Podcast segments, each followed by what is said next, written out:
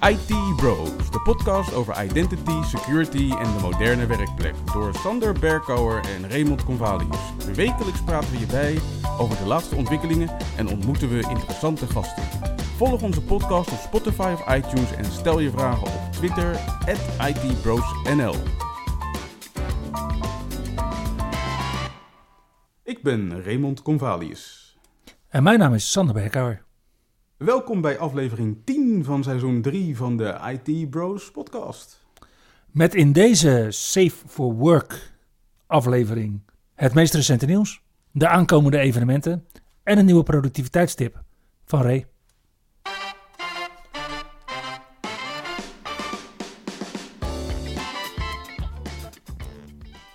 Ja, Ray, normaal gesproken beginnen we altijd uh, met Windows 11 nieuws.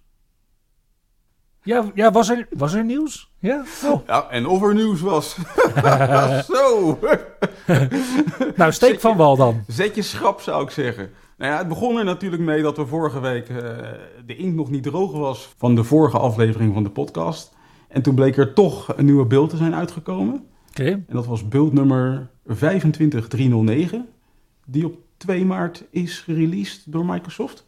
Ja. En build 25309 in het dev channel was ook gelijk de laatste release in het dev channel in zijn oude vorm. Maar daar ga ik zo meteen meer over vertellen. Laat onze luisteraars nou niet zo wachten, man. Ja, ja, ja, ja, ja, ja zeker wel. cliffhanger. De cliffhanger, daar is die mensen. Maar nu eerst, ja, die laatste dev channel release, 25309 die bevatten de lang verwachte Enhanced Volume Mixer. Dus eindelijk volumeregelaars per applicatie gewoon vanuit de quick settings. Ja, en dat vind jij dan...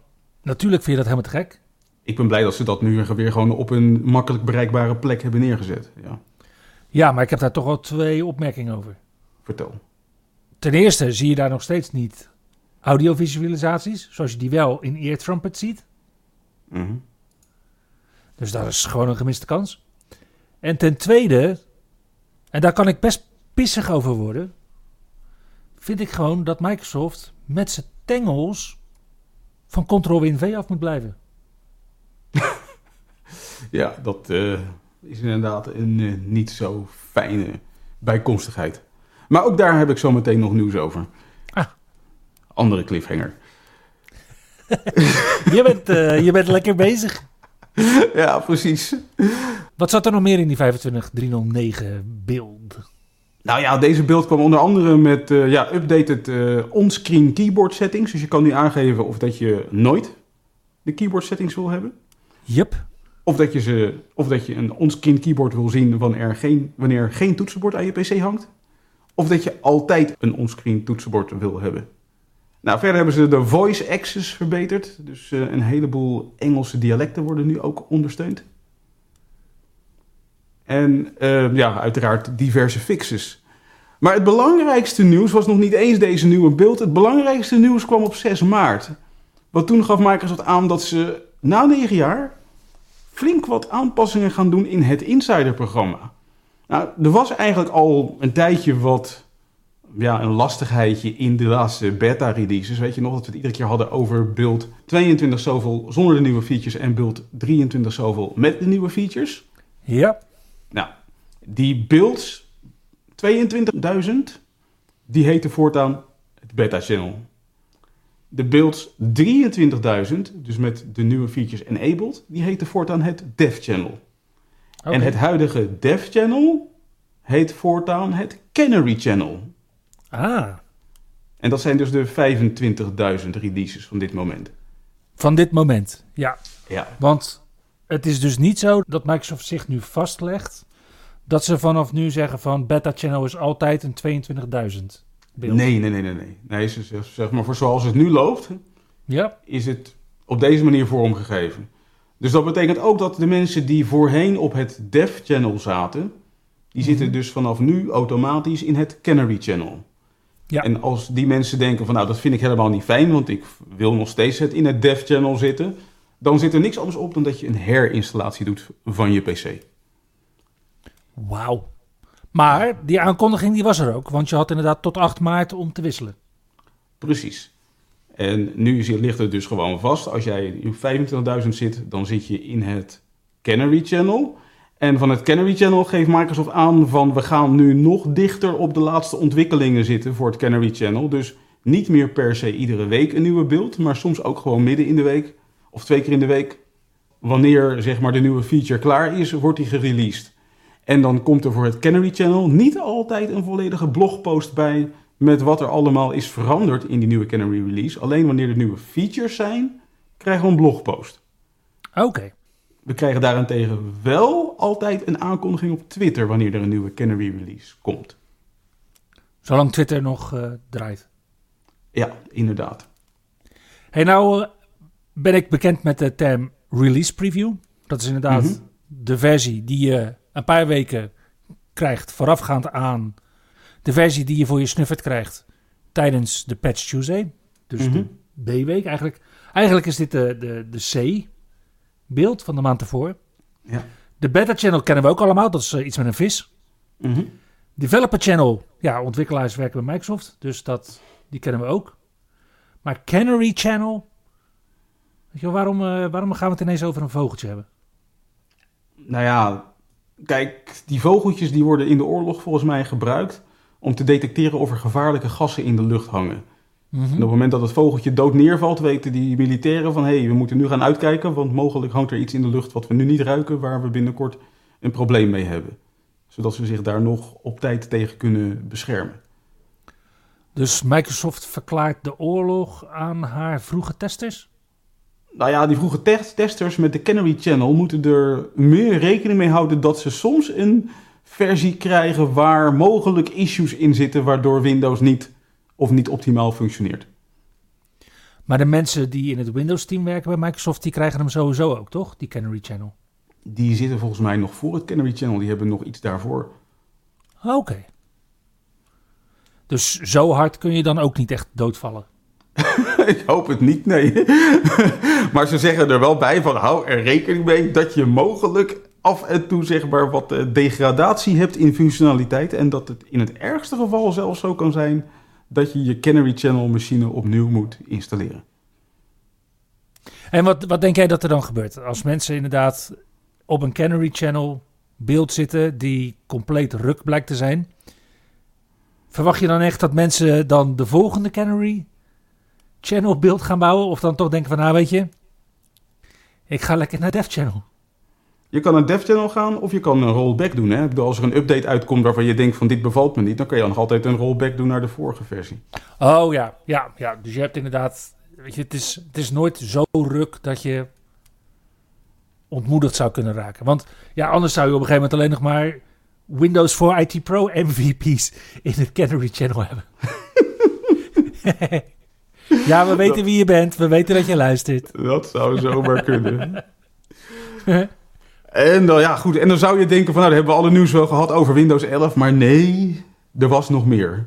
Oké, Die laatste Developer Channel release, die 25309, ja. die bleek nog een hidden feature te hebben. In de vorm van een taakbalk die kan verhuizen naar de bovenkant van het scherm. Dat is Oh. een van de belangrijkste items in Windows 11 waar nog over wordt geklaagd. Vroeger kon jij zelf bepalen waar je taakbalk verschijnt in Windows, Mhm. namelijk beneden of aan een van de zijkanten of bovenin. In Ja. Windows 11 zit hij gewoon vast onderin. En het lijkt erop dat Microsoft nu aan het werken is aan een feature om die balk aan andere plekken ook te kunnen verplaatsen op het scherm. Alleen hij is nog niet af. Maar ja, gebruiker Elbacor, bekend van Twitter, die ontdekte Ja. dat je met de Vive tool de balk nu naar de bovenkant kan verhuizen. Alleen als je de balk naar de bovenkant verhuist, is het menu nog niet mee verhuisd. Dus deze feature is duidelijk nog niet af. ja, dus, dus het startmenu verschijnt dan op een stuk scherm waar geen scherm is. Precies, waar geen taakbalk is. Ja, een beetje, een beetje lelijk. Maar in een Canary Channel zou je dit gewoon zo, zo, zo geserveerd kunnen krijgen. Ik hoop het niet. Maar nou ja, in ieder geval, de eerste Canary Channel beeld is inmiddels ook al uit. Want op 8 maart kwam beeld 25314 uit. Ja. En dat was de eerste officiële Canary Channel release. In de Canary Channel, daar zitten een aantal nieuwe features, waaronder de access keys in File Explorer. en access keys in File Explorer, dan denk je van, wat is dat? Hey Ray. Hey Ray. Ja. Wat is dat? Dat zijn die shortcut keys, weet je, die je kan. Snelkoppeling, eh snelkoppeling toetsen. Snelkoppeltoetsen. Precies, in, in de Office-applicatie had je vroeger, als je op Alt drukte, dan zag je toch al die Ja, ja. eh, toetscombinaties verschijnen bij die knop. Nou, Mhm. die feature die zit dus nu in eh, File Explorer. Zo de knetter, hé. Weet je wanneer ik dat voor het laatst heb gebruikt? Geen idee. Tijdens mijn cursus Outlook in 1998. Dat is echt 25 jaar geleden dat ik daar echt... Af en toe doe ik het nog eens per ongeluk, maar toen had ik het echt nodig nodig. Ja, en nu kan je het dus nodig nodig hebben in eh, File Explorer. Alleen dan gebruik je niet de Alt-toets, maar dan gebruik je de menu-toets. En de menu-toets, dat is die toets die op je Windows-toetsenbord zit aan de rechterkant van je spatiebalk. Op speciale toetsenborden. Als je een Windows-toetsenbord gebruikt. Een Windows-optimized toetsenbord. die heb jij blijkbaar niet. Ja, ik kijk hier tegen een surface aan, maar er zit gewoon een alt, eh, een alt-knop naast mijn, eh, sta- naast mijn spatiebalk, vriend. Nou, bij mij zit er naast de Alt-toets zit er een menu-toets. Patser. Ook op mijn Surface. Hè, maar we hebben het... Oh, je hebt die 15 inch natuurlijk. Ja. En daarmee hebben we nog niet alle features gehad, want ehm, Microsoft introduceert nu ook de file recommendations in de File Explorer, waarmee ze eigenlijk voor Bes- bestandsaanbevelingen. Ja, Azure AD-users, die krijgen aanbevolen bestanden die ze voor het laatst hebben gebruikt of onlangs hebben toegestuurd gekregen of geshared hebben gekregen van collega's Mhm. in een Azure AD-omgeving, dus met Microsoft 365. Ja, precies. Dus niet alleen op de Office.com website. Niet alleen in de Edge startpagina kun je dat dus krijgen. Maar ook gewoon in de Windows verkenner. Ja, inderdaad. Handig. En dan is nog eentje die waar jij denk ik wel erg blij van wordt. LSA Protection gaat default aan. Ja. En als je zoiets hebt van, wat is dat dan, LSA Protection? Nou, LSA is natuurlijk de Local Security Authority. En dat betekent dat allerlei geheimponems, waaronder ik zelf, met bijvoorbeeld Mimikatz, hallo Bert, dat niet meer kunnen gebruiken, omdat het LSA-proces in een apart stukje Windows wordt uitgevoerd, waar je alleen maar op een bepaalde manier tegenaan kan rammelen, en dus niet met Mimikatz, om er iets uit te krijgen. Ja, En ik vind dit een hele goeie, dat dit inderdaad standaard wordt aangezet op client-besturingssystemen. Het mag van mij ook standaard aan op Windows Server installaties, wil ik weer vertellen. Alleen niet op domain controllers. nee. Dan gaat het, dan gaat het wel echt stuk. Ja, inderdaad. Maar Sander, wie installeert er nou nog domain controllers? Ja, oké, oké. Ja, en dan als laatste zie je dan ook nog dat Microsoft bezig is om wat legacy-spul af te bouwen. Dus het Remote Mail Slot protocol. Als je dat nog kent, dat is een protocol dat wordt gebruikt om fileshares mee te benaderen. Dat gaan ze nu definitief disabelen. Dit stamt nog uit de tijd van Windows NT volgens mij. Ja, CC-mail. Yep, En dat wordt nu definitief uitgeschakeld. Nice. Het wordt nu echt niet meer gebruikt. Nee. En daarmee hebben we alle Windows 11 nieuws gehad voor deze week. Nou, dan gaan we denk ik door naar eh, Microsoft 365, right? Yes, right. Oftewel datgene wat we vroeger Office noemden. Ja, want er zit een stukje nieuwe functionaliteit in Edge. Als je Edge gebruikt op een beheerd Android of iOS device, wat Mhm. dus wordt beschermd met zogenaamde MAM policies of App Protection policies van Intune, Ja. dan kan je voortaan in Edge definiëren als administrator waar, is dat je kon al definiëren zeg maar waar eindgebruikers hun documenten mochten opslaan, mogen opslaan. Mhm. En je kan daar voortaan als locatie ook in opgeven dat je collega's hun documenten alleen nog mogen opslaan in OneDrive for Business. Oké. En waar moet je dan aan voldoen om deze feature te kunnen mogen gebruiken? Nou, ten eerste, het apparaat moet dus beveiligd zijn met een App Protection Policy.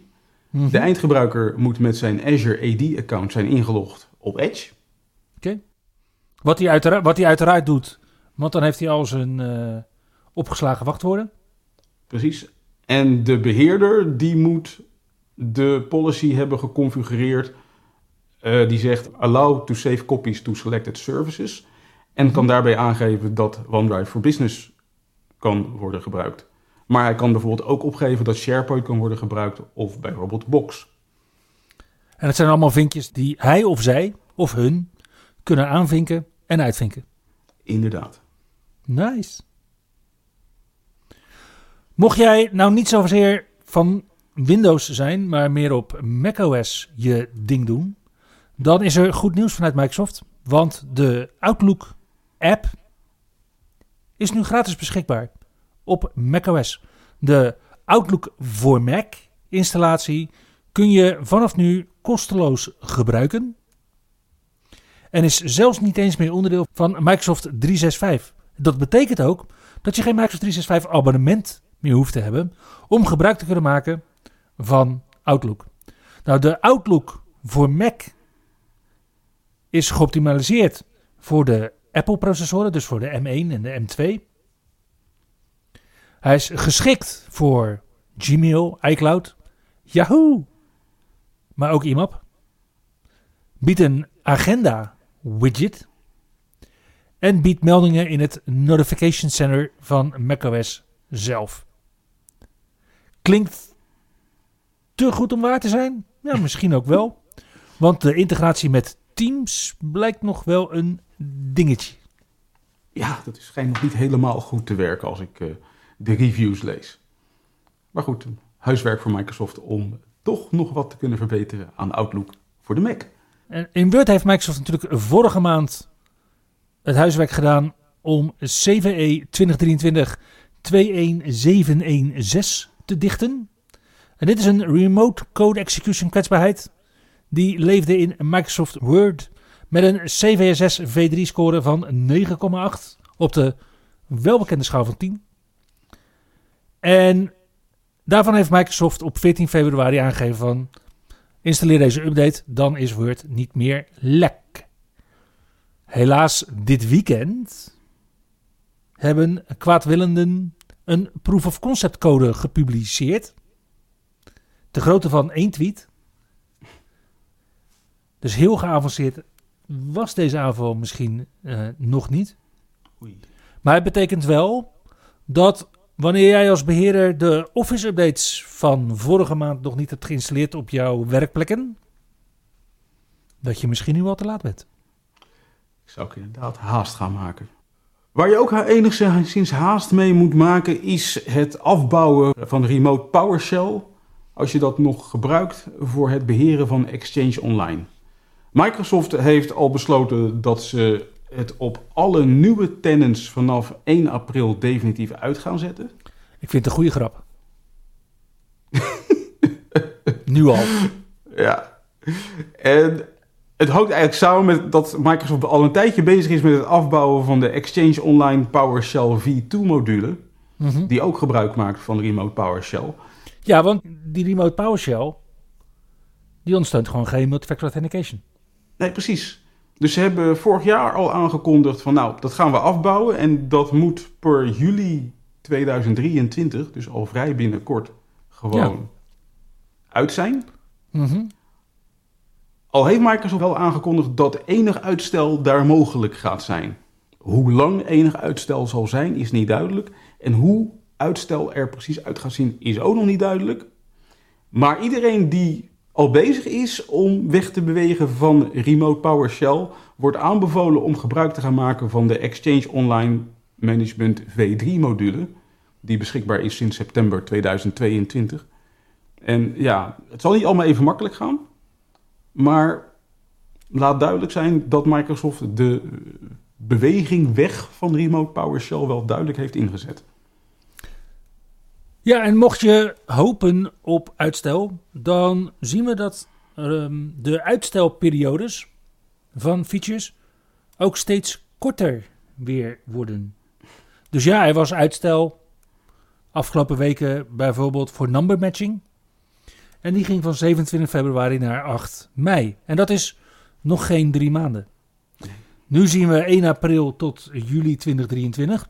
Dat ziet er ook uit als drie maanden. Maar hij is stiekem misschien ook wat minder. En wordt misschien zelfs nog wat minder. Dus onze aanbeveling voor alle beheerders is om vooral niet te gaan wachten op het uitstel, maar vooral te mikken om desnoods zelf al weg te migreren, of desnoods zelf al de mogelijkheden die worden afgesloten te blokkeren in hun Microsoft 365 organisaties en Azure AD tenants. Want dat er veel aankomt, dat mag duidelijk zijn. Een van de dingen die we bijvoorbeeld ook aan zien komen volgende week, is dat vanaf volgende week GitHub, dat is de webdienst van Microsoft tegenwoordig, waarin ontwikkelaars gebruik kunnen maken van Git functionaliteit, zoals bijvoorbeeld versioning. Mhm. GitHub gaat vanaf volgende week groepjes actieve ontwikkelaars benaderen, zowel via e-mail als in een banner op github.com, om toch daadwerkelijk hun multifactor authentication aan te zetten, te configureren, dus te registreren eenmalig. En daarna ook daadwerkelijk aan te zetten om dat te vereisen. En vanaf het moment dat jij, wat ook IT-pro's gebruiken GitHub, die banner of dat e-mail krijgt, heb je 45 dagen om dat te configureren. En mocht je het dan niet doen, dan gaat GitHub jou op dag 52 daadwerkelijk blokkeren. Weet je wat ik nou bijzonder vind van GitHub? Althans, de laatste keer dat ik GitHub gebruikte met multi-effecten authenticatie, toen kon ik Mhm. alleen one-time passwords gebruiken, maar werd er geen volledige ondersteuning geboden voor de Microsoft Authenticator app met bijvoorbeeld number matching. En ik hoop toch echt dat ze dat vandaag gaan invoeren bij GitHub, aangezien het toch echt wel een Microsoft-dienst is. Ja. Mocht er iemand van GitHub luisteren, doe je ding. En als laatste werd er nog een kwetsbaarheid ontdekt in een bekende password manager. Dit keer is Bitwarden het slachtoffer van een kwetsbaarheid. En het blijkt namelijk dat Bitwarden ondersteunt onder andere autofill. Mhm. En die autofill die staat weliswaar default uit, maar als je hem aanzet, blijkt die niet zo secuur te werken. Met als gevolg dat ja, websites, wanneer ze gebruik maken van iframes, kunnen ze Bitwarden ertoe verleiden om op de verkeerde website je username en paswoord achter te laten. Je username en password achter te laten. Ja, Op de verkeerde website. ja. Maar beste, beste beheerders, toch op geen enkele website, zelfs niet je DNS-beheerwebsite, meld je aan met alleen maar een gebruikersnaam wachtwoord. Dat hoop je niet. Maar het lelijke hiervan is wel dat dit een kwetsbaarheid die al in 2018 is ontdekt. Door Wow. een, een bedrijf dat heet Flashpoint. Mhm. En bij Bitwarden, de, de, de, open source ontwikkelaars van Bitwarden, die hebben in de tijd besloten om deze functionaliteit niet uit te schakelen. Omdat er nog legitieme sites zijn die iframes gebruiken. En die toch wel ondersteund zouden moeten worden door Bitwarden. Nog lelijker blijkt het te zijn dat ehm, de verkeerde usernames en passwords ook kunnen worden achtergelaten op subdomeinen van legitieme domeinen. Dus soms heb je gewoon de mogelijkheid om je eigen subdomein aan te leggen van een legitieme website. Mhm. En dan is Bitwarden dus met autofill aan ook in staat om daar het verkeerde username en paswoord achter te laten. Nou ja, uiteindelijk eh, is Bitwarden hierover benaderd door de mensen van Bleeping Computer. En die Mhm. zeggen van ja, we weten het, maar we gaan dit niet fixen. En we raden het gebruik van autofill ten zeerste af. Nou ja, nu zijn er genoeg andere password managers die volgens mij autofill wel op een veilige manier toepassen. Dus eh, ja, misschien is Bitwarden toch niet de ideale password manager voor dat scenario.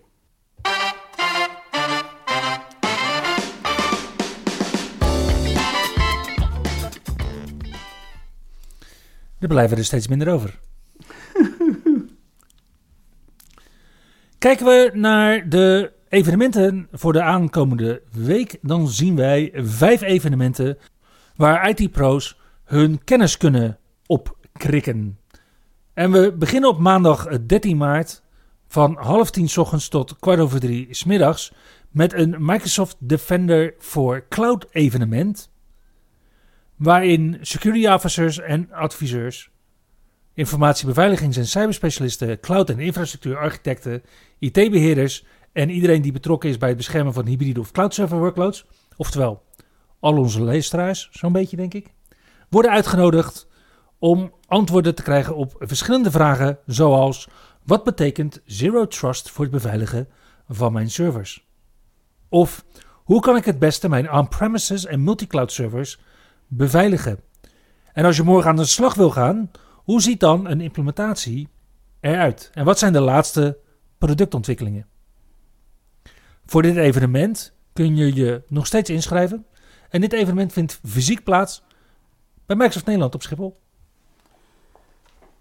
Als je de deur niet uit wil gaan op maandag 13 maart, dan kan je vanaf 8 uur een sessie van ons bijwonen. Ja, Op maandagavond zullen Sander en ik voor IT University het webinar Veilig Azure AD zonder premium, feit of fabel verzorgen.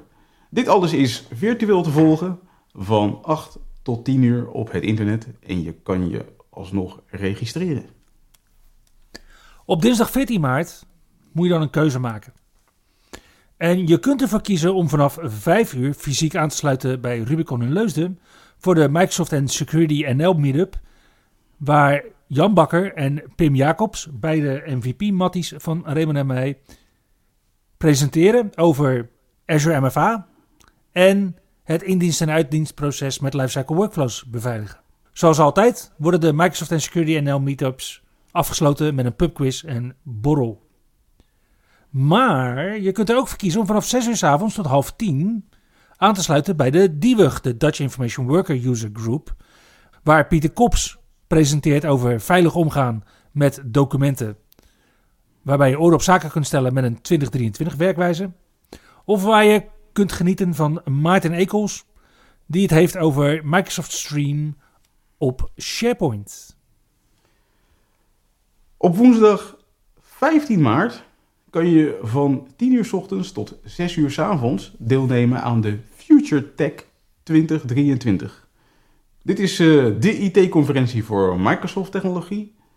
En het is gericht op developers, architecten en experts om het te hebben over C-Sharp, .NET en Microsoft technologieën zoals .NET Core, ASP.NET, ASP.NET Core, Azure en nog heel veel meer. Dit evenement vindt plaats in de jaarbeurs in Utrecht. Nou, dit is echt een groot evenement. Echt een gaaf evenement. Yep.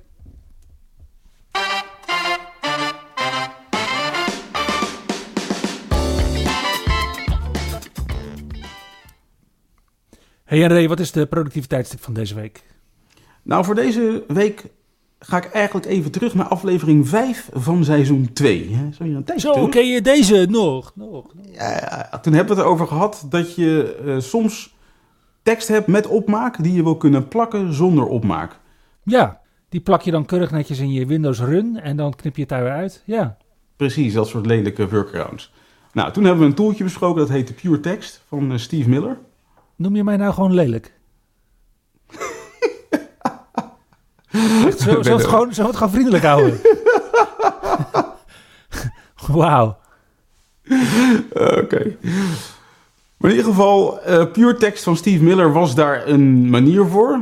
Uiteindelijk zie je dat de functionaliteit in sommige applicaties ook gewoon is ingebouwd. Dus bijvoorbeeld Teams en Edge die ondersteunen Shift-Ctrl-V om te plakken zonder opmaak.